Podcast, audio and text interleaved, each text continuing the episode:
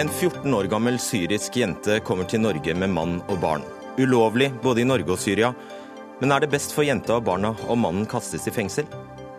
Norge er en brobygger i internasjonale klimaforhandlinger, hører vi politikerne si til det kjedsommelige. Stemmer virkelig det?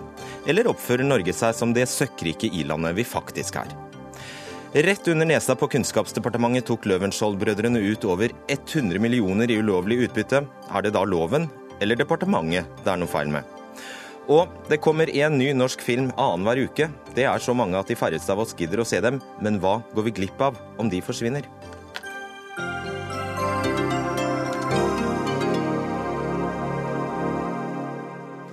Riktig god kveld, dette er Dagsnytt 18 med meg, Fredrik Solvang. Først i sendingen til et eh, dilemma. For hva gjør vi når en 14 år gammel gravid jente kommer til Norge fra Syria med sin ektemann og en 18 måneder gammel sønn? Ingen slo alarm om mulig tvangsekteskap og overgrep mot barn før etter en legekontroll 14 dager senere. Og først i dag bestemte du deg for å etterforske saken Ellen Katrine Hetta, politimester i Øst-Finnmark eh, politidistrikt. Eh, da får jeg få høre her at du er eh, ikke med oss. Vi venter litt med deg. Da går vi til deg, Torgeir Kåsus, sosialantropolog ved Universitetet i Oslo. Hva skal vi gjøre? Nei, det er jo et kjempedilemma, som du sier. Altså, Da jeg hørte nyhetene i går kveld, så reagerte jeg med vemmelse på hele ryggmargsrefleksen slo inn. Det var alt, altså Jeg har barn på samme alder som hun måtte ha hatt da hun giftet seg og fikk sitt første barn. Og det, det er kanskje nettopp det. Altså Ryggmargsrefleksen er, er, hopper rundt hodene våre og gjør at det er vanskelig å tenke klart, og kanskje spesielt å tenke tydelig i møte med enkeltindivider. Eh, dette her er, som min kollega Unn sa i dag, dette er en situasjon som er eksepsjonelt sjelden, men det, vi bør likevel være forberedt på at det vil inntreffe. Og at hjelpeapparatet er i stand til å møte disse på en måte som gjør at vi kan tilpasse tilbudet på samme måte som vi ellers ville tilpasse tilbudet til, til små barn. Og det er det vi kan gjøre, rett og slett. Og vi må akseptere at de er gift. Det er kjempevanskelig. Så dette har noe med den grenseoppgangen mellom det å forstå noe og forsøke å forklare noe, og det å forsvare noe. Eh, verken Unni Wikan eller, eller, jeg eller noen antropolog vil si at det er greit at barn gifter seg som tolvåringer. Ingen liker det, men men du, jeg har forstått deg slik at du, du, mener man faktisk ikke har noe valg i denne situasjonen, ja. men å akseptere det? Ja, jeg syns det noe er gjort. Og det, det, blir det minste av to onder å bryte ut ekteskapet eller å la det fortsette slik det er. Men den eneste støtten hun faktisk har, eller det eneste nettverket hun har rundt seg, er mannen. Man skjønner at du ikke liker barnebruder. Mm. Det forstår man. Ellen Katrine Hetta, politimester i Øst-Finnmark politidistrikt, nå skal du være med oss. Det var altså først for uh, i dag at du bestemte deg for å etterforske denne saken. Hvorfor, uh, hvorfor tok det så lang tid? Eh, det er fordi at vi fikk eh, nye opplysninger i løpet av dagen. og det, Da var det ganske klart for oss at det var riktig å starte en etterforskning av saken. Hvilke opplysninger da? Altså Det er eh, opplysninger eh, om en sak som er under etterforskning, så det har jeg ikke lyst til å gå inn på. Men det som er viktig for oss, er jo at eh, vi er av den oppfatning at norsk straffelov skal beskytte også flyktninger, immigranter. Og det er ganske alvorlig når en 14 år gammel jente dukker opp her og er gravid. Det er et alvorlig straffbart forhold, og det, da er vi pliktige til å etterforske hendelsen. Er det ikke sånn at de registreres med alder når de kommer? Det er riktig at de, eh, de, registreres med alder og alle opplysninger, men her har det altså skjedd en glipp, og vi må alle sammen bestrebe oss på at det ikke skjer igjen. Så du fulgte ikke helt med? Hun oppga at hun var 14 år, eller? Det ble, altså Hennes personalie ble oppgitt, men eh, hun, eh, det, var, det var flere glipp som skjedde underveis som gjorde at det ikke ble fanga opp på tilstrekkelig god måte. og Det må vi bare ta lærdom av. Nå er jo dette et mulig lovbrudd som da er begått i utlandet, lenge før gjerningsmannen og eh, eventuelt eh, gjerningsmannen og offeret, kom til Norge. Spiller det en rolle? Eh, I norsk lov så er det sånn at også forhold i, begått i utlandet av utlending kan straffeforfølges i Norge. og det her er altså snakk om eh, eh samleie med et barn under 14 år med graviditet som resultat. og Det er et alvorlig straffbart forhold som må etterforskes. Barnet har jo da kanskje vært ned mot tolv år når første svangerskap ble starta. Hva gjør dere videre nå, i tillegg til å etterforske? Nå etterforsker vi den på en helt vanlig måte som en eh, ordinær sedelighetssak. Og Hva skjer med disse, denne familien nå? Eh, det er det barnevernet som eh, har hånd om. Vi forholder oss til straffesaken. De er ikke sammen nå? Det har jeg ikke oversikt over, men det skulle barnevernet ta seg av. Ok. Takk skal du ha, Hetta. Liv Hegna, du er kommunikasjonssjef i Redd Barna. Vi, altså her, vi hører altså fra Kolshus at han mener vi har flere onder bør falle ned på at dette må vi faktisk bare akseptere. Er du enig i det? Eh, jeg eh, tenker at dette må vi ha kompetanse til å forstå, sånn at vi kan møte de barna som kommer og er i sånne situasjoner her. Men det er farlig hvis vi begynner å relativisere rundt dette. Fordi én ting er at norsk lov her er klart, men også internasjonalt. Altså det internasjonale lovverket som sikrer barns rettigheter, Barnekonvensjonen, eh, er klar på, på flere ting som er knyttet til barneekteskap, i forhold til beskyttelse av barns helse bl.a.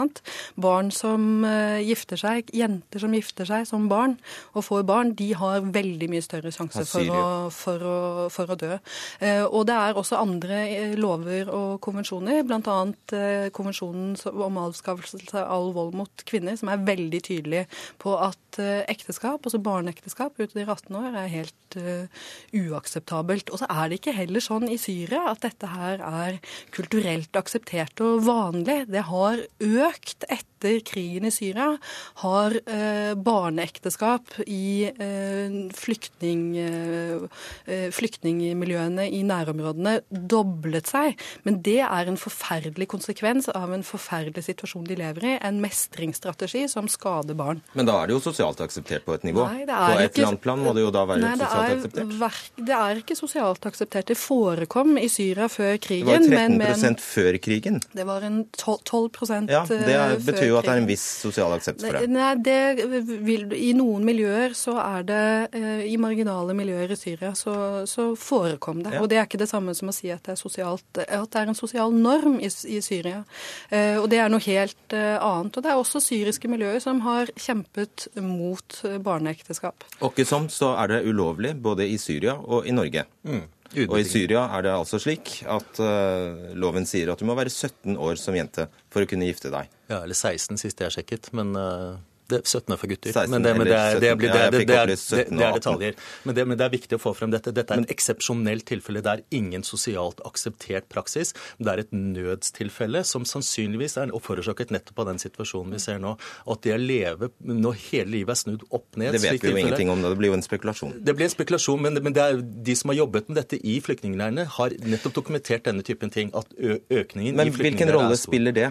Det spiller en rolle for at vi skal vite at dette her er ikke det, det vi skal debattere på grunnlag av dette ene tilfellet. Det er et tilfelle som er, er, veldig sjeldent, og vil forhåpentligvis fortsette å være uhyre sjeldent, men som vi må ha et hjelpeapparat som er i stand til å møte. Men det spiller vel ingen men, rolle for, den, eh, for, situasjonen vi står oppe i nå, om, eh, om det er motivert av, eh, av flukt eller, eh, eller sosialt press, eller hva det, det, det, det, gjør en liten forskjell. Det gjør en liten forskjell ja, for hennes forskjell, men det er ikke henne vi diskuterer. Hvis vi skal snakke om dette på et samfunnsplan, hvordan skal vi som samfunn møte dette, så er det mer interessant å snakke om kategorien barn og barneekteskap. Og den kategorien er noe helt annet. Det er noe helt annet å gifte seg som 17 år og 364 dager enn det å bli tvunget inn, må jeg si, i et ekteskap som 12-åring. Og det er en viktig forskjell å ha med oss når vi snakker om dette. Det er, det er verden det er forskjell. Og hvis vi tenker på det ene som, det, som bare avskygninger av det andre, så er vi i ferd med å kjøre inn i en grøft som gjør det vanskelig å debattere dette på en måte som gir, som gir noe særlig mening. Altså. Men det vi også må gjøre nå, er å flytte dette fra et rent sånt uh, strafferettslig perspektiv. For det aller viktigste vi må gjøre nå, er å sørge for å møte uh, Det kommer helt sikkert flere saker med barn som er i en lignende situasjon.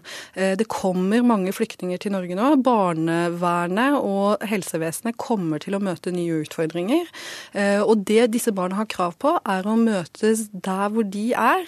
Eh, med eh, en individuell vurdering mm. av sin situasjon. Og vi må passe på at vi ikke skal retraumatisere de. Og det er ingen eh, Det må barnevernet inn og, og hjelpe til. og det kan ikke løses av rettssystemet. Og da blir jeg usikker på hva du egentlig mener. fordi det politiet jo selvfølgelig, påtalemyndigheten, skal ta stilling til, er om denne mannen er, skal straffes mm. eller ei. Hva er ditt svar til det? Der er det eh, norsk Jeg skal ikke gå inn og, og, og prosedere på det. Eh, og det er Norsk lov er klar. Og jeg refererte jo også til internasjonalt lovverk som er ganske klart på det. Men da kan du risikere å rive vårt, opp familien og traumatisere barna? Ja, og derfor så er det også i andre strafferettssaker så er barnevernet inne for å ivareta barna. For det er barns beste som må ligge til grunn her. Og for oss som en barnerettighetsorganisasjon så er det det vi er mest opptatt av å ivareta, barnets beste. Men da, den kompetansen finnes ikke i barnevernet i dag. Det har vi kartlagt. De sliter allerede i møte med minoritetsfamilier. Så her er det nødt til å gjøres et kompetanseløft. Mm. Kålsut, eh, har du tenkt på hvor det bærer av sted, som, eh, som da Hetta sier, det kan ikke gjelde én lov for nordmenn og en annen for utlendinger i Norge? Nei, og det er et prinsipielt godt utgangspunkt. Men igjen, det er her, dette er et klassisk dilemma. ikke sant? Samme hva de gjør, så blir det feil. Og som, akkurat som Liv Hegna her sier, dette her er altså Vi skal gjøre individuelle vurderinger i møte med barn. Her er i tillegg to lag med barn. altså En, en barnemor og to barn, en, et barn på vei og en, et barn til. Det er kjempevanskelig. Det kan faktisk tenke altså Disse barna, de, de minste barna har også rettigheter overfor sin, sin, far. ikke sant? Skal han straffes for å ha gjort noe som er kulturelt ikke akseptabelt, men som, som likevel har har, har funnet sted eh, innenfor, innenfor rammene av et lovverk som de, som de da det skjedde, ikke kunne ane at dette faktisk skulle Og Bare for å forklare etter det, Du mener altså, etter å ha vurdert hele komplekset, at faren bør ikke straffes i slik slikt tilfelle? Ja, jeg syns det vil være det minste av to onder å la være å straffe ham. Mm. Hva hadde skjedd hvis det ikke var snakk om eh, barneekteskap, men la oss si kjønnslemlestelse? Eh, forløpet var helt likt. Det kom en familie til, til Norge. Det ble avdekket at eh, det hadde foregått kjønnslemlestelse av henne. Da ville det vært mindre tvil, vel? Da ville norske myndigheter ha grepet inn raskt og kontant. Du har vel flere saker på det, så det er man uh, mer uh, kjent med. Dette, har, dette, er en ny problemstilling som man ikke har møtt uh, mye tidligere. Men det samme prinsippet som gjelder, er at norsk lov gjelder. Internasjonalt lovverk er heller ikke Det er ikke lov med kjønnslemlestelse internasjonalt. Og igjen så er det barnets beste som må settes i senter, og det barnet må ivaretas med kompetanse rundt til å forstå forstå hva som er det beste i den situasjonen. Men lovverket Vi, skal ikke, vi må ikke begynne å, å relativisere rundt lovverket. Det er, det er klart, men vi må klare å ivareta barna i tillegg. Er du ikke enig i det, at vi du ser det, at, vi, at, vi, at, det bærer, kan bære galt av sted om vi begynner å relativisere lovverket? Ja, Samtidig så skal vi ha en viss eh, Vi skal beholde hodet kaldt her også. Altså Lovverket er ofte i strid med hverandre. Det er det som ligger, det er derfor man har jurister, er derfor man har dommere som skal vurdere forskjellige prinsipper opp mot hverandre. Og i, spesielt i tilfelle med disse internasjonale konvensjonene som Barnekonvensjonen og menneskerettighetene, så strider de ofte med norsk, norsk prinsipp. Hva som skal komme først der og der i enkelte tilfeller, det er lang lange lange, lange juridiske utlegninger. Og Det er også dette som, som, som, som vi snakker om. Altså, de vært, det er helt klart Dette er ikke kulturelt akseptert. og Tolvåringer som gifter seg er ikke kulturelt akseptert i Syria overhodet.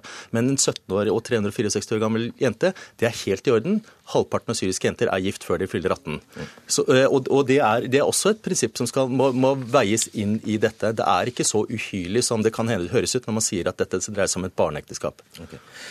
Vi må sette strekk der. Takk skal dere ha. Det er vanskelig. Eh, takk skal dere ha, Torgeir Kolshus og Line Hegna. Dagsnytt 18 alle hverdager kl 18.00 på NRK P2 og NRK2.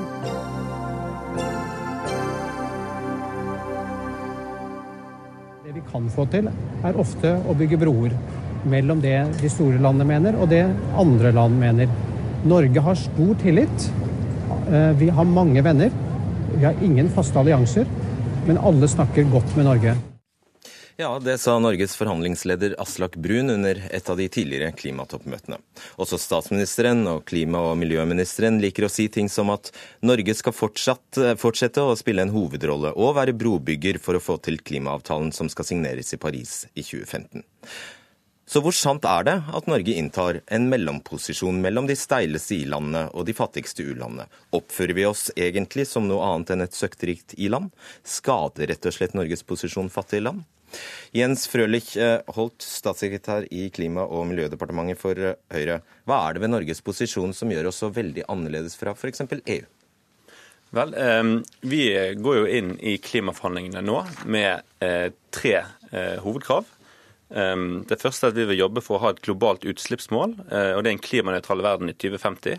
Eh, det er et eh, mål som ikke så mange andre land har. Der står vi steilt foran og jobber for det, for det inn. Og alle de fattige landene er enig i kravet om klimanøytralitet? De fattige landene er enige om at vi skal ha et langsiktig mål. og så er de også Nei, de er ikke enig i det de enige at vi skal ha et langsiktig mål inn i avtalen. Men ikke klimanøytralitet nødvendigvis? Nei, det er det forskjellige meninger om. Ja. Men de er enige om prinsippet om et langsiktig mål. Um, og så vil vi ha en avtale der vi skal legge frem oppdaterte utslippsmål med jevne mellomrom, helst hvert femte år. Og at vi ikke skal liksom slide bakover i, eh, i å kutte mindre enn planlagt. Um, der er det også eh, forskjellige meninger. Og vi har sagt at her, når vi skal øke de eh, kapasitetene, så må de fattigste landene bidra med, i henhold til sin kapasitet og sine muligheter. Eh, og så I tillegg så er Norge en, en stor bidragsyter når det gjelder klimafinansiering. Eh, vi har regnskogsatsingen, som eh, bidrar til å redusere, redusere utslipp fra skoghugst og skogforringelse i utviklingsland. Og i tillegg så har vi klimakvotekjøp i utviklingsland som bidrar til teknologioverføring. Som heller ikke alle u-land er begeistret for. De, vi har nettopp lansert et ny type kvoteprogram som heter TCAF flott forkortelse. Eh, det er liksom neste generasjons eh, kvoteprogram. og eh, der er det mange fattige land som ser frem til å kunne delta. Men ikke alle. Så hvordan er vi en brobygger? Vi deltar i mange mange forum. Vi er med når de store land, utslippslandene møtes. Vi blir invitert som observatør i det som heter Major Economies Forum, hvor vi kan snakke og komme med forslag. og Der er de 20 største utslippslandene USA og Kina. Der er Norge med. Eh, og så er vi også med i en gruppe som heter De progressive landene, som er en blanding av i-land og u-land, som alle ønsker en, en sterk avtale. I motsetning til de bakstreberske? Ja, Der er det ikke alle landene som er med i den progressive gruppen. Så Det er også en konkret måte som vi bygger bro på. Hvem er, hvem er de bakstreberske? Det tror jeg kanskje andre skal få svare på. Nei, men, på... hvem, hvem, er det? Eh, eh, det kan både forsker Kalbakken og en Bård ved siden av meg her få svare, nei, svare godt for. Det skal de få gjøre. Bård Land, du er klimarådgiver og forfatter av boka 'Klimaspillet' om FNs eh, topp, klimatoppmøter. Altså Hvis vi skreller vekk all retorikk og floskler her, inntar Norge mer eller mindre en klassisk ilandsposisjon under slike internasjonale klimatoppforhandlinger? Ja, i det store og det hele så, så gjør Norge det. Det er klart eh, Norge har vært eh, rausere med å bidra med, med, penger til en del klimatiltak enn mange andre eh, rike land har vært. Noe som eh, på en måte bare skulle mangle når Norge virkelig er, ligger helt i toppen også av, av de rikeste. Eh, men eh, jevnt over så er det sånn at Norge ønsker en avtale som, som ligner veldig på den som andre rike land ønsker. Eh, som EU, eller? Som EU, som eh, USA i, i mange, på mange områder. Eh, og det er en avtale som vil kreve mer av utviklingsland enn det som har blitt krevd av dem tidligere, mens den vil på sett og vis slakke på kravene til de rike landene når det gjelder de forpliktelsene som, som allerede ligger i klimakonvensjonen om at de skal bidra med, med finansiering, bl.a. Men dette høres ut som en veldig rar beskrivelse av en brobygger. Ja, jeg syns eh, at man ser mindre og mindre til eh, den brobyggerrollen som Norge skryter av. Eh, til en viss grad så gjelder ikke dette bare Norge, det gjelder, det gjelder alle de europeiske landene. At de i løpet av de siste årene har, har glidd nærmere og nærmere de posisjonene som USA egentlig har stått for gjennom mange, mange år i klimaforhandlingene, som handler om at hovedmålet er en avtale der flest mulig land skal, skal med, og uten å stille spesielt strengere krav til de rikeste. Steffen Kalbekken, du er forskningsleder ved Cicero senter for klimaforskning og er med oss på Skype fra Paris, skal være? Ja. Eh, jeg stiller samme spørsmål til deg. Inntar Norge mer eller mindre en klassisk ilandsposisjon under slike forhandlinger? Ja, det gjør vi i stor grad. Eh, når vi likevel er en brobygger, og det mener jeg genuint at Norge er, så skyldes det at vi har høy tillit hos mange fattige land, bl.a. pga. bistand gjennom mange tiår til mange viktige land vi samarbeider med. Og Et tydelig eksempel på at Norge spiller den rollen, er at vi ofte blir spurt om å lede store internasjonale prosesser. F.eks. var Norges tidligere forhandlingsleder Harald Dovland i, år, eh, unnskyld, i ett år en av de to personene som leder prosessen fram mot en ny avtale. Det viser at vi får den typen tillit, men jeg er også enig i Bolani at vi ser litt mindre av den rollen enn det vi gjorde for to, tre, fire år siden. Så Norge ofte la fram felles forslag sammen med utviklingsland. Mm. Det har vi sett mindre av de siste årene. Men når vi er et rikt i-land, hvorfor ikke oppføre seg som et? Vi gjør det i stor grad. Eh, men hvis du ser det fra utviklingslandene sitt perspektiv, så tenker jeg det er to ting du er opptatt av. Det ene er hva bidrar vi med? Finansiering, teknologi, kapasitetsbygging. Og der gjør gjør Norge det veldig bra i forhold til de fleste andre land. Det andre de er opptatt av, er om Norge støtter deres posisjoner. Og der er det litt mer variabelt. En ting mange utviklingsland er opptatt av, er tap og skade, som handler om hva slags hjelp kan de forvente for å håndtere klimaskade. Og Der er Norge ikke på linje med utviklingslandene, som ønsker at det skal være et viktig element i avtalen, mens Norge ønsker at det skal behandles som en del av spørsmålet om klimatilpasning. Holt, dere driver og sprer usannheter om at vi er en brobygger og inntar helt andre posisjoner enn andre rike land på jorda? Det er ikke helt enig i, rett og slett. Fordi at vi, eh, vi har som jeg sa i sted, Vi kjemper for et globalt utslippsmål, der er ikke alle enig. Eh, vi ønsker også å ha rapporteringssystem som viser at alle landene følger opp de klimaløftene de kommer med. Eh, og Der ønsker vi å ha større fleksibilitet for de fattige landene. Så vi har en, en differensiering i, inni det vi mener. Men det som er litt viktig også å huske på, er at når vi nå forhandler om denne klimaavtalen, så er det en annen type klimaavtale enn vi har i dag. Det, eh, den avtalen vi har i dag, er Kyoto-avtalen. Omfatter rundt 13% av verdens utslipp. Eh, det er jo ikke nok hvis vi skal eh, redde kloden. Denne avtalen er mer bottom up. Her har det nå kommet inn over 180 land med klimamål. Eh, det dekker over 90% av utslippene nå. og da er det klart at Vi vil at alle landene skal være med i en avtale. Da må det kompromisses, det er det du vil frem til? Vi må kompromisse, selvfølgelig. Ja. Og, men vi ønsker at alle landene skal være med. og da, eh, da må vi nærme oss konsensus. og Det er det Paris-møtet egentlig handler om. Kompromisses. Eh, land skader faktisk Norges posisjon fattige land? Altså, eh, I det store bildet så vil en sånn avtale som, eh, som, Norge jobber for nå, bidra til at utviklingsland må ta en større del av eh, regninga, rett og slett. En større del av ansvaret i klimaarbeidet.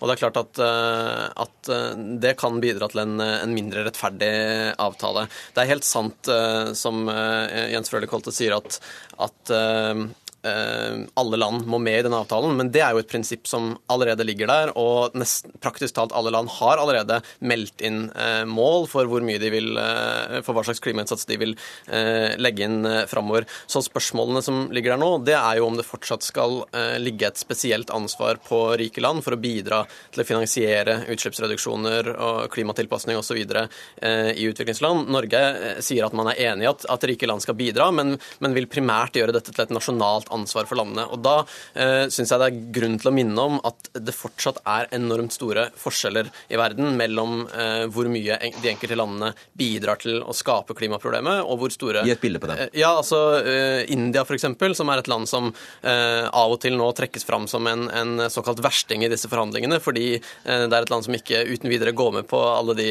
de premissene som, som, ligger der fra EU og, og, og de andre rike landenes side det er altså fortsatt sånn at selv om India sine utslipp vokser kraftig, så, så står en gjennomsnittlig inder for 2,5 tonn eh, med CO2-utslipp i året, mens en gjennomsnittlig amerikaner står for 20, og en gjennomsnittlig nordmann står for eh, over 10. Så, eh, og, og, de 10% rikeste alene er ansvarlig for halvparten av de globale klimagassutslippene? Det er sånn situasjonen er, er nå. Eh, og hvis du ser på hele forrige århundre under ett, så er det altså sånn at eh, de rikeste industrialiserte landene sto for omtrent tre fjerdedeler av alle klimagassene som ble sluppet ut i løpet av det århundret. Det er jo de klimagassene som ligger i atmosfæren i dag og, og gjør at vi har et klimaproblem. Og da er det klart at eh, vi, vi, det er en grunnleggende urettferdighet i klimaproblemet som man må ta hensyn til når man skal løse det. Og En sånn verden vil du gjøre enda mer urettferdig, Holt? Nei, altså vi... Eh, Verden har endret seg siden 1992. Eh, det som var u-land da, er ikke nødvendigvis u-land nå, og kommer definitivt ikke til å være u-land eh, i fremtiden. Eh, dette skal være en avtale som varer i, i flere tider og skal være liksom, fundamentet for klimasamarbeid i verden videre. og Da må vi ha eh, en mer, en mer sånn, likere inngangs, inngangs, inngang til dette. Så skal vi si at Norge har jo tatt på seg et klimamål som ligger i hvis du ser på det som er sendt inn, i det øvre sjiktet, hvor vi skal kutte 40% innen 2030, ha det som forpliktelse det ligger høyt. Vi har mål om å bli et lavutslippssamfunn i 2050. Så dette er, dette er jo klimamål som ligger i den høye delen av, av skalaen, og som også reflekterer eh, at vi har hatt et historisk ansvar for å kutte utslippene. Mm. Kalbekken, samme spørsmål til deg. Skader Norges posisjon fattige land? Jeg tror Hvis Norge ikke deltok i forhandlingene, så hadde avtalen blitt enda mindre rettferdig enn den blir. Det blir ikke en rettferdig avtale, men Norge hjelper med å dytte det et lite skritt i riktig retning. Det, hvis Du ser på, du spurte hvem som er verstingene. Ja, men hvis du da... står i et fattig land og ser ja. på Norge, skader da Norges posisjon dem? Nei. Det, det, det, det dette handler om, det er, det er en maktkamp.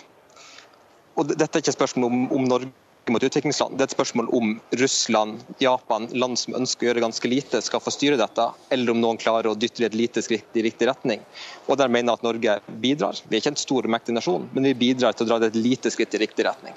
Ikke at vi på alle punkter har standpunkt som hjelper utviklingslandene, men langt flere enn de fleste land. Men ikke så bra som andre. Sveits f.eks. er et land som er en bedre brobrygger enn det Norge er. Akkurat. Hva sier du, Land? Altså, Det jeg tror blir viktig i Paris, det er å legge et godt grunnlag for eh, klimaarbeidet i lang tid framover. Eh, og som Holt er inne på, så eh, ønsker man jevnlige oppdateringer av, av klimamålene. At, at, man stadig skal gjøre mer i, i, årene som kommer. Og da tror jeg at det hadde vært en stor fordel om Parisavtalen inneholdt tydelige prinsipper som gjorde det mulig å bedømme om de landene som leverer klimamål, eh, er i nærheten av å eh, ta sin rettferdige andel av den jobben som, eh, som må gjøres. Da trenger vi de prinsippene som ligger i FNs klimakonvensjon om rettferdighet, og at de rikeste landene må ta hovedansvaret. Og det vil ikke Norge ha? Og sånn som jeg forstår Norge nå, så ønsker man i utgangspunktet færrest mulig referanser til de forpliktelsene som ligger i FNs klimakonvensjon for, for rike land i dag. Og det tror jeg bidrar til å eh, legge mindre press på de landene som bør levere mer i tida som kommer, enn en det jeg skulle ønske. Holdt, når ansvaret ser sånn, eh, eller når, når, fordelingen av utslippene ser sånn ut som den gjør, altså når det er så skjevfordelt og det historiske ansvaret også er som det er, Hvorfor skal, da, hvorfor skal, Norge bidra til en avtale som ikke retter dramatisk opp på denne skjevheten? Men vi bidrar med eh, høye kuttmål. Dramatisk opp. Ja, det, og vi bidrar med høye kuttmål. Og vi har eh, en betydelig eh, klimafinansiering eh, som eh, hjelper de fattige landene til å komme gjennom omstillingen som de ligger foran. Eh, og det er greit. vi støtter jo også rapporteringssystemer, som Bård Land snakker om. og ønsker at, at, de skal være strengest mulig, slik at vi vet at både store og små land eh, følger opp det de har meldt inn, og at, eh, at vi får levert de utslippskuttene vi faktisk eh, er lovet gjennom denne avtalen.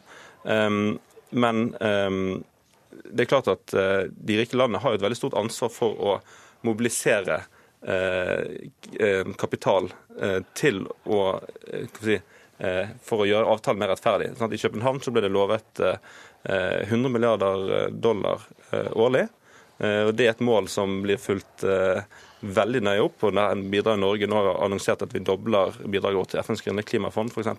Eh, men det er et mål som følges med argusøyne av fattige land, nettopp fordi at vi skal få en avtale som er rettferdig. Og nettopp på det feltet så er det jo sånn at fattige land ønsker klare forpliktelser inn i avtalen på hvordan det målet skal følges opp og økes videre framover, og det støtter ikke Norge. Og ikke bare milde gaver. Kalbekken, Hvilken av Norges posisjoner ligger aller lengst vekk fra det de fattigste landene ønsker seg? Sannsynligvis det som dreier seg om tap og skade, som i siste instans kan handle om klimaerstatning eller klimakompensasjon. Det er viktig for u-landene. Norge ønsker ikke at det skal være et eget element i avtalen, og der får vi nok ganske mye motstand fra utviklingslandene. Ehm, dette er da på linje med det EU og andre industrialiserte land ønsker seg. Og hvorfor vil, vi ikke det? Men, altså, vi, jobber. vi, vi, vi, ønsker å behandle temaet, men, men, ikke som et eget element i avtalen. Og Det handler om et annet om man er redd for at det kan utvikle seg til store, dyre erstatningsordninger, og man er redd for at dette kan gjøre det vanskelig å få til en avtale overhodet, bl.a. fordi USA er så sterk motstander av at dette skal inn i avtalen. Mm. Og da kan det koste oss dyrt. Ja, altså, Du kan si at en, ingen, ingen, avtale er verre for utviklingslandene enn en urettferdig avtale. Mm. De har nok bedre med en urettferdig avtale enn at den ikke kommer et skritt videre overhodet i Paris i år. Mm. Holdt det. Ja, bare veldig kort, for Vi prøver å finne en løsning på dette spørsmålet, men eh, vi mener at det er bedre at vi f.eks. kanaliserer støtte gjennom FNs grønne klimafond til klimatilpasning. Det var så langt vi kom. Takk skal dere ha, Jens Frølich Holte, Steffen Kalbekken og Bård Land.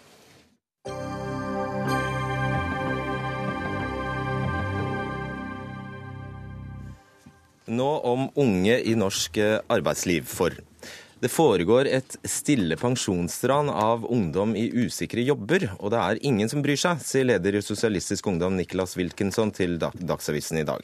Og han ber om støtte fra LO til å sette pensjon øverst på kravlista i vårens lønnsoppgjør. Kaja Lund, du er generalsekretær i eh, Sosialistisk Ungdom og stepper inn for Wilkinson. Jeg antar du er enig med han. og da lurer jeg på, Hva legger SU i et stille pensjonsran av uh, ungdom? Det er sterke ord.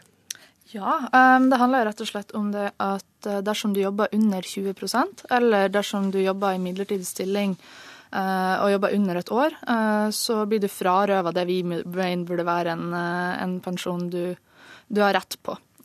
Sånn at det vi ønsker, er at du skal få pensjon helt fra første arbeidstimen du jobber, da. Og bare for å rydde i begrepene her. Når du sier pensjon, så gjelder det altså tjenestepensjon, og ikke den biten du får fra folketrygden. Ja, det er riktig. Den pensjonen som du kjenner opp Så den biten som ligger på toppen av folketrygden er du snakker om? Ok. Trine Lise Sundnes, forbundsleder i Handel og Kontor. Når du hører Kaja Lund og eh, SU her, eh, så er jo du eh, leder for et forbund som organiserer medlemmer nettopp i bransjer som eh, har mange deltidsansatte. Er du enig med henne? Ja, altså Først og fremst så er jeg veldig glad for at SU tar tak i dette. Og, og eh, Kaja har helt rett. Eh, vi taper masse penger, og spesielt ungdom, eh, på dagens system når det gjelder tjenestepensjon. Det er også sånn at vi må nødt til å se dette sammen med folketrygden. og det er klart at Dagens 67-åring vil jo få ut 55% av tidligere inntekt fra folketrygden, mens dagens 20-åring, når når han eller hun er 67 år, så vil man få 43% Det alene tilsier at tjenestepensjonsordningene bør skrus hyppig opp. Og dette visste jo Stortinget er... veldig godt da de innførte den nye pensjonsreformen med levealdersjustering, selvfølgelig. Ja, det eh, visste de veldig godt. Eh, men så har jo også regjeringen da lagt eh, til rette for gjennom lovendringer at det skal være enda høyere fleksibilitet i arbeidsmarkedet. Men for unge mennesker så har dette en pris, fordi det er dyrt med hyppige jobbskifter. Og bare med fem jobbskifter i løpet av et arbeidsliv, så taper du altså 100 000 i tjenestepensjon. Altså 10 000 kroner i året. Og det er helt åpenbart at vi også trenger å tette de hullene som er i, i loven, sånn at eh, forskjellen på maksordning og minimumsinnskuddsordning eh, blir mindre. For da er tapet nemlig på over 100 000 kroner i året. Eh, bare forklar for oss. Eh, det er altså slik at hvis du jobber La oss si du får et 11 måneders vikariat, og så ikke mer jobb etter det, så altså, så går altså de pensjonspengene tilbake til arbeidsgiver. Ja, da eh, kan du eh, skyte en blå pil etter det. De pengene eh, får du aldri se. Eh, og det er klart at spesielt nå med den galopperende ledigheten vi ser, og som spesielt rammer unge, så, så vil man jo eh, ha et resultat av at hvis du da frivillig, eller som nå ufrivillig, prøver deg fram i, i nye jobber, så kan også flere års pensjonsopptjening forvitre. Mm. Og det er klart at det er lett å være etterpåklok ti år etter at du kunne eh, ha eh, fått pensjonsopptjening. Mm. Og så hørte jeg en liten kritikk av uh, regjeringen inni her. Tor Kleppen Settem, du er statssekretær i Arbeids- og sosialdepartementet, representant for regjeringen. Vi hører altså Sundnes si at med mer midlertidighet, og da sikter hun til den nye arbeidsmiljøloven, så blir dette bare verre. Fordi det blir flere unge som må gå på korte kontrakter. Ja, Da er vi plutselig inne i den debatten som raste for et halvt år tilbake. Men kunne jeg også få lov å først av alt benytte muligheten til å si at uh, jeg syns det er veldig positivt at et ungdomsparti faktisk snakker om pensjon. For er det noe jeg merker i min hverdag, så er det jo stort sett at det er dem som nærmer seg pensjonsalder, som faktisk bryr seg om pensjon. Så at uh, Sosialistisk Ungdom i det tilfellet her, og for den del andre ungdomsparti, faktisk snakker om pensjon, det syns jeg er gull verdt. Det er bra. Eh, det andre, og nå er jeg kanskje overdrevent positiv, for jeg har tenkt å skryte av én ting til også. Ja, Vi prøver å få til en debatt her, da. Ja, Da skal vi nok klare det etter hvert òg, men skryt nummer to den går på det som jeg da faktisk oppfatter er en støtte fra Sosialistisk Ungdom til det prinsippet som hele den pensjonsreformen har bygd på, nemlig at du skal tjene opp pensjon for all arbeidsinntekt i alle år, enten det er deltidsstilling, korte stillinger, lengre stillinger osv. Jeg vet ikke om det var det helt Sosialistisk Ungdom tenkte på, men det er det som er konsekvensen av det. Ta dette her med midlertidigheten.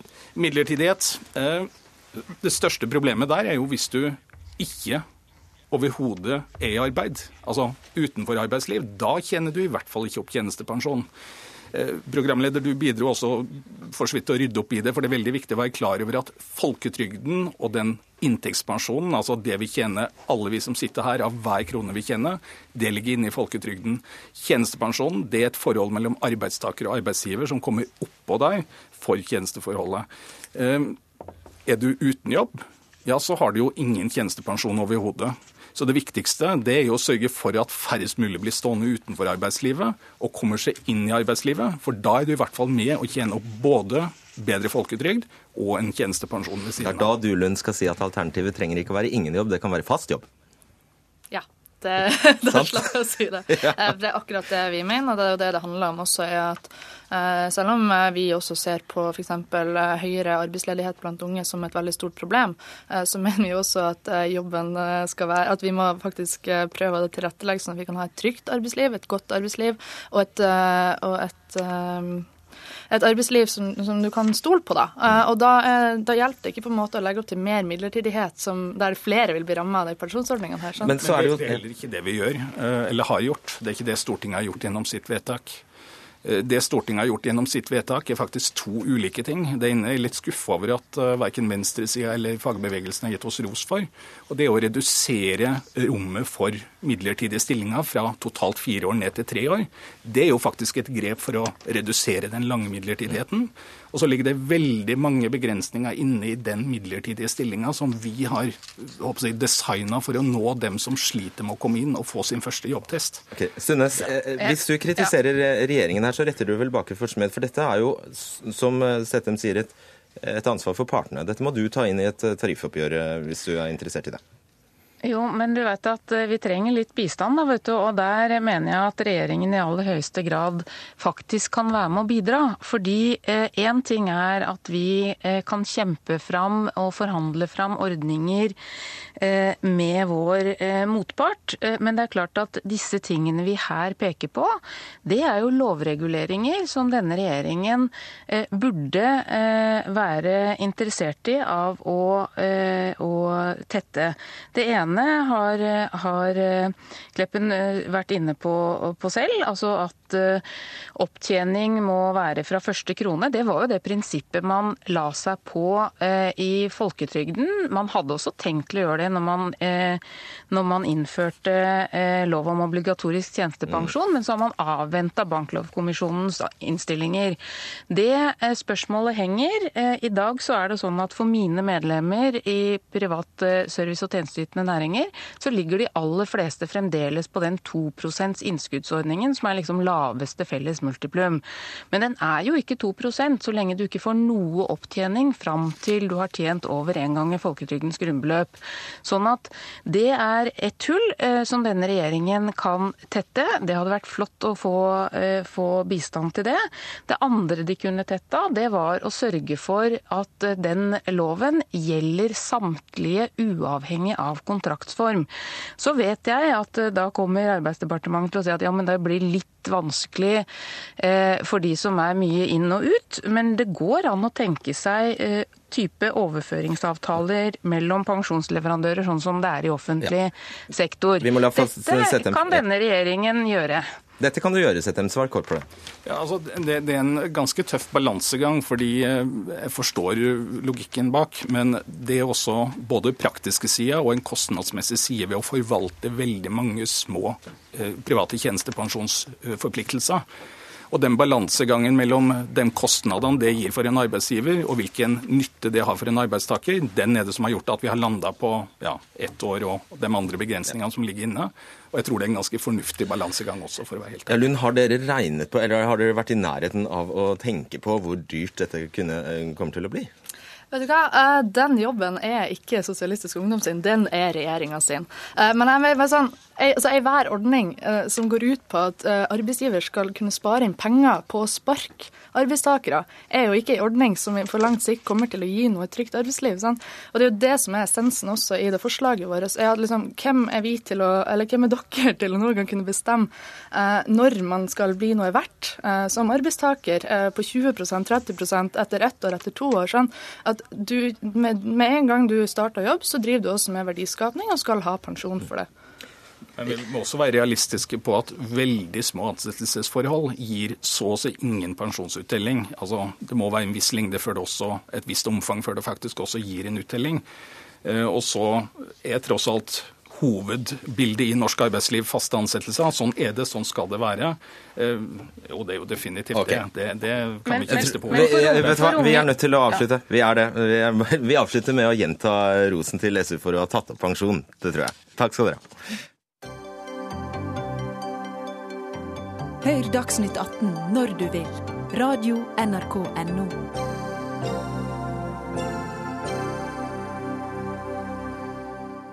105 millioner i ulovlig utbytte, misfornøyde studenter og en advarsel fra Riksrevisjonen i 2013.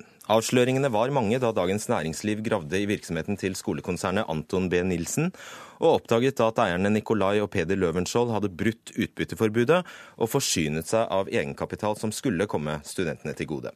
Utbyttet ble hentet ut ved hjelp av interne transaksjoner, nemlig at penger og overskudd overføres fra et selskap til et annet.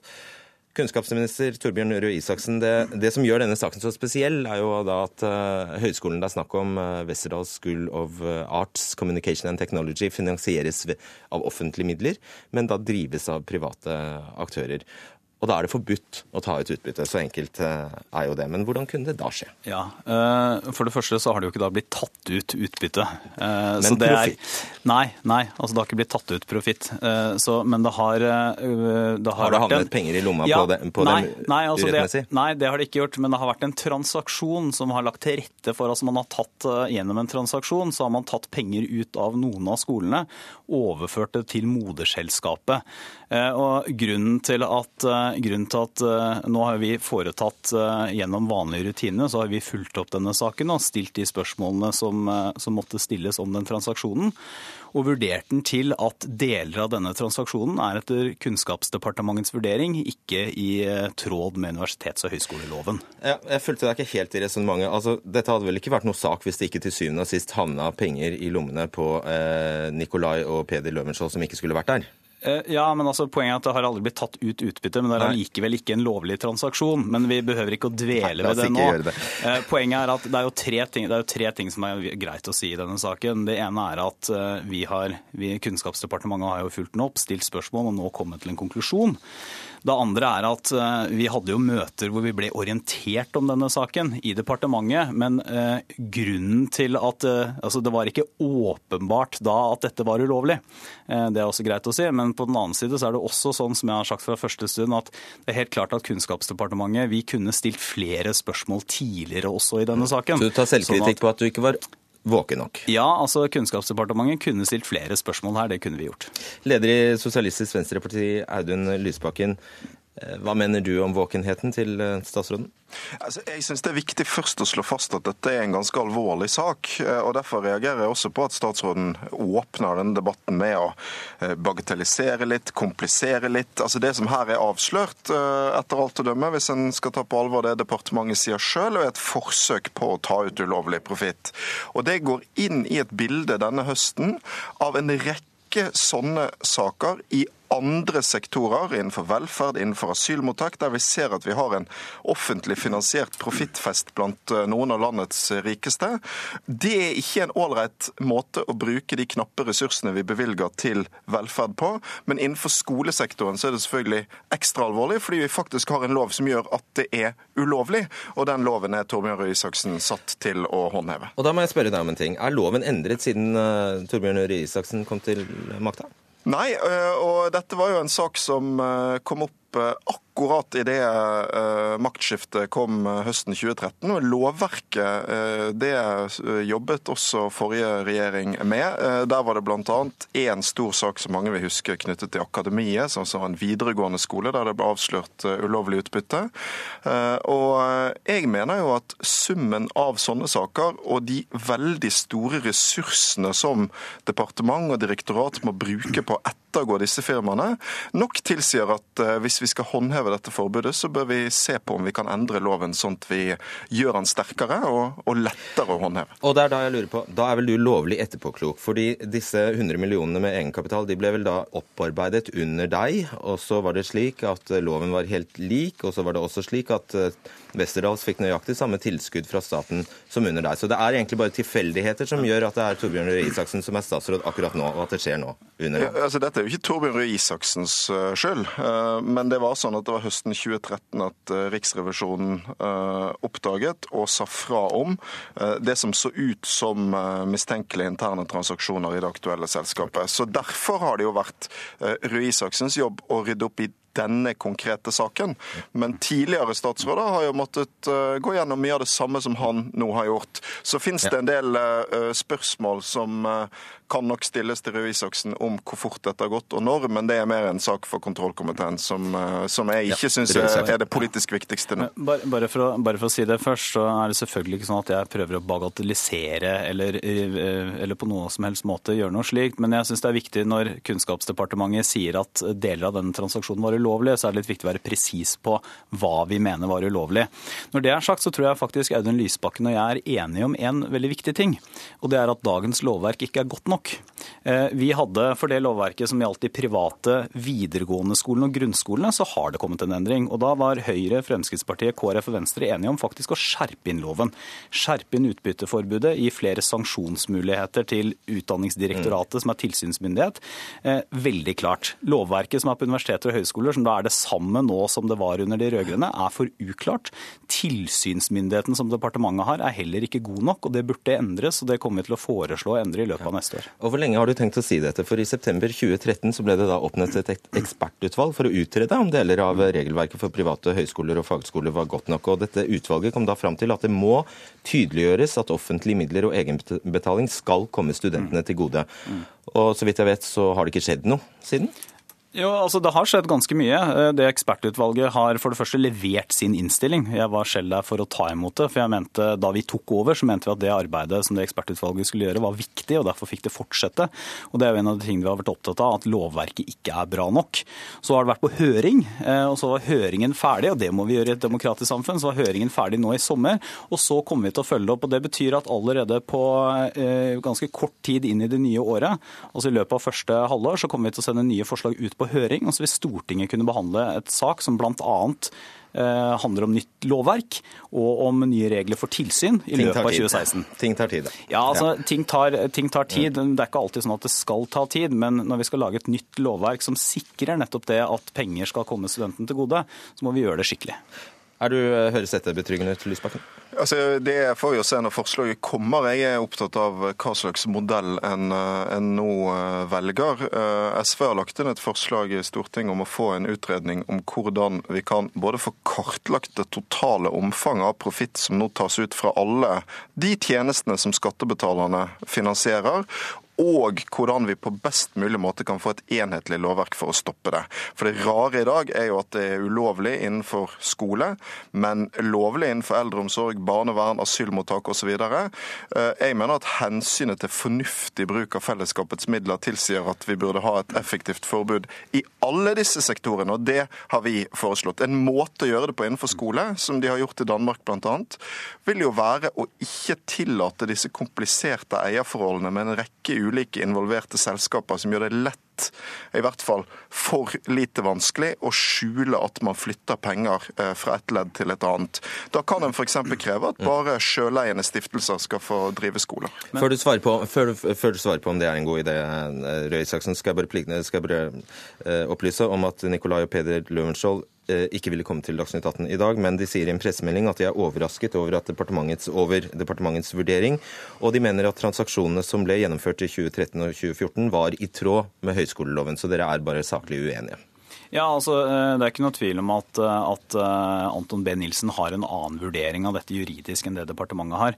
Når det gjelder Audun Lysbakken sitt poeng, så, så er det sånn altså på private videregående skoler og grunnskoler så er det et godt lovverk. Vi skjerpet inn utbytteforbudet, og jeg mener at lovverket i dag er bra, men det er mye strengere enn for private høyskoler.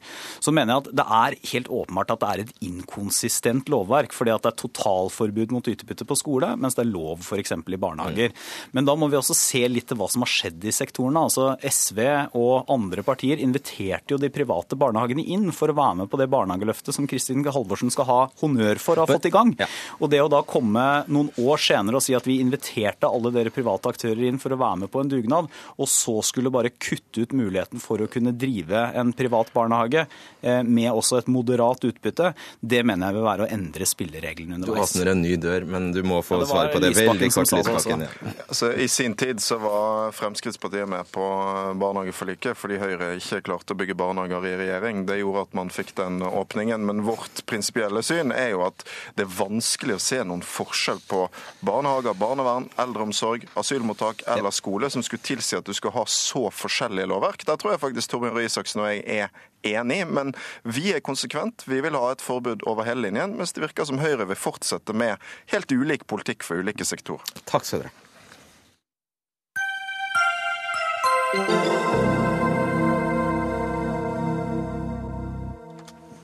13 av 27 av årets norske premierefilmer kom aldri over 10 000 solgte billetter. Hvert år bruker samfunnet over 300 millioner på norsk film.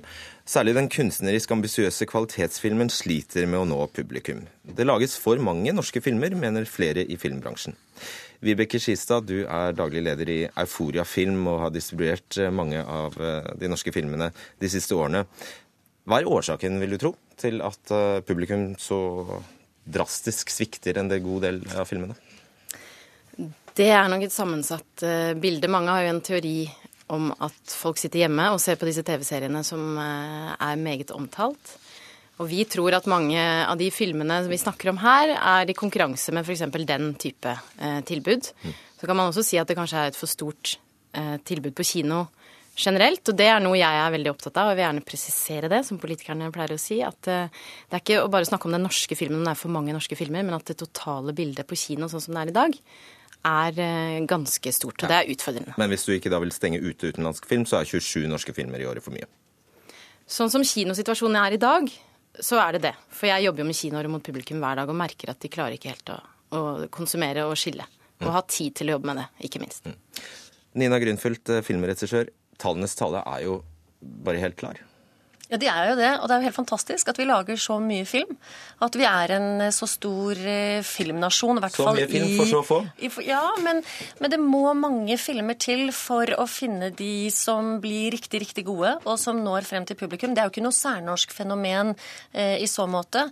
Altså, Drar du til Hollywood også, så lages det mye film som ikke slår igjennom, verken kommersielt eller kanskje heller ikke kunstnerisk, for den sakens skyld. Men eh, vi har blitt en veldig kompetent filmnasjon. Vi har fått mange flinke folk som er godt utdannet. Vi har etter hvert veldig mange historier å fortelle. Vi har blitt et mangfoldig samfunn. Eh, og det at vi på en måte nå er rustet til å kunne ta imot alle disse fortellingene, det syns jeg er eh, noe vi skal være veldig, veldig stolte av og verne om. Så hva mister vi hvis vi kutter i antallet produksjoner i år? Ja, Da reduserer vi jo drastisk muligheten for å lykkes med de filmene vi har. Du må ha en underskog. Du må ha et, et volum for å, å, å lykkes. Mm. Sveinung eh, Golimo, du er avdelingsleder ved Norsk Filminstitutt og er tidligere filmprodusent.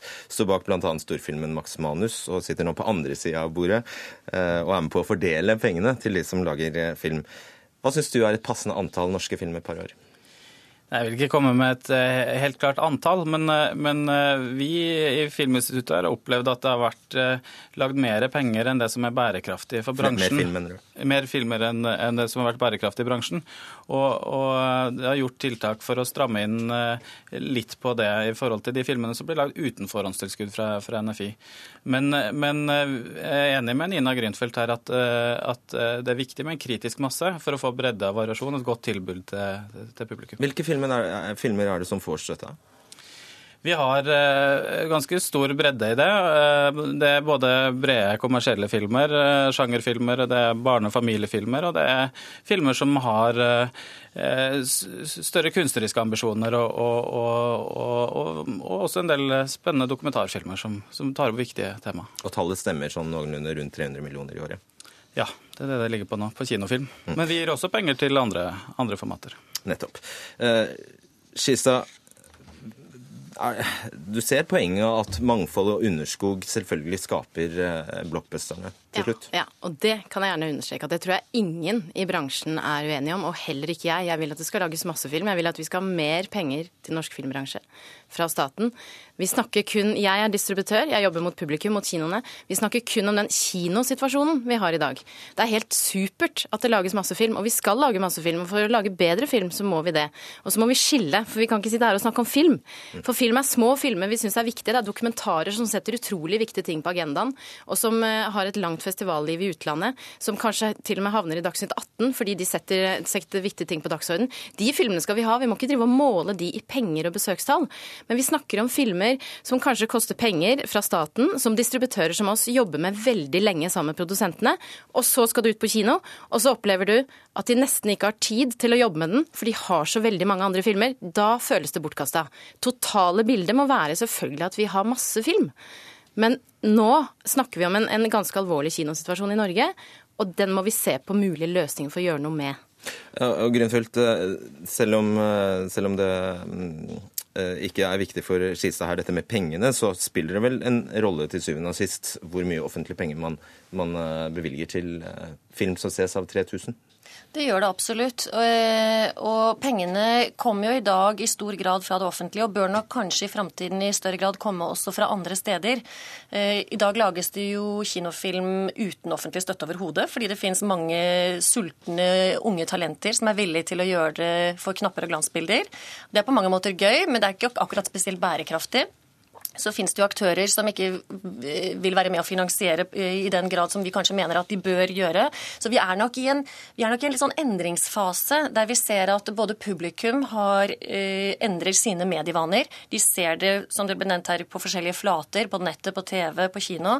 Eh, så jeg tror nok at i de årene som kommer fremover, så, så vil vi lære av dette. Og så må nok kanskje forholdene på en eller annen måte stabilisere seg litt, i den grad verden overhodet stabiliserer seg. Men, eh, men det er nok en utfordring som og, vi sliter med i dag. Og du er enig med Skistad i at ikke all, all film bør, bør på kino, rett og slett? Uh, all film kommer jo heller Nei, ikke på kino. Ikke. For mye film havner på kino, da. Ja, vi har jo så mange saler, vi har jo så mange arenaer. Vi er blitt så kultur, store kulturkonsumenter. Og det tenker jeg at det er i utgangspunktet ikke et problem, det er en fantastisk ting. Mm.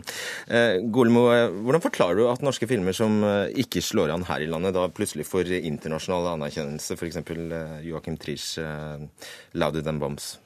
Vi har eh, mange dyktige filmtalenter som har fått eh, lov til å lage filmer og, og, og utvikle seg, og, og, gjør seg nå veldig bemerka internasjonalt.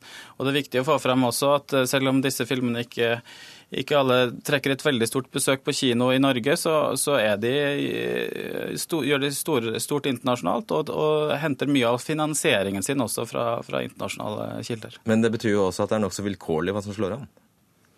Eh, jeg tror eh, god kvalitet er viktig, og, det, eh, og det, jeg tror det er også rom for å lage kvalitetsfilmer for, for et kinopublikum i, i fremtida.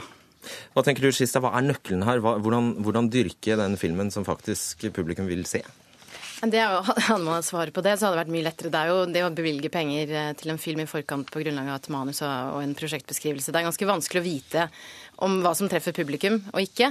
Men, men i forhold til det vi snakker om eh, om bredden, så tenker jeg at det er jo helt naturlig at du må ha en bredde for å, en, for, å, for, en god, for å, få en god elite. Men i dag så er det sånn at det er ikke så mange arenaer å vise seg fram på. Enten lager man film for TV eller for kino.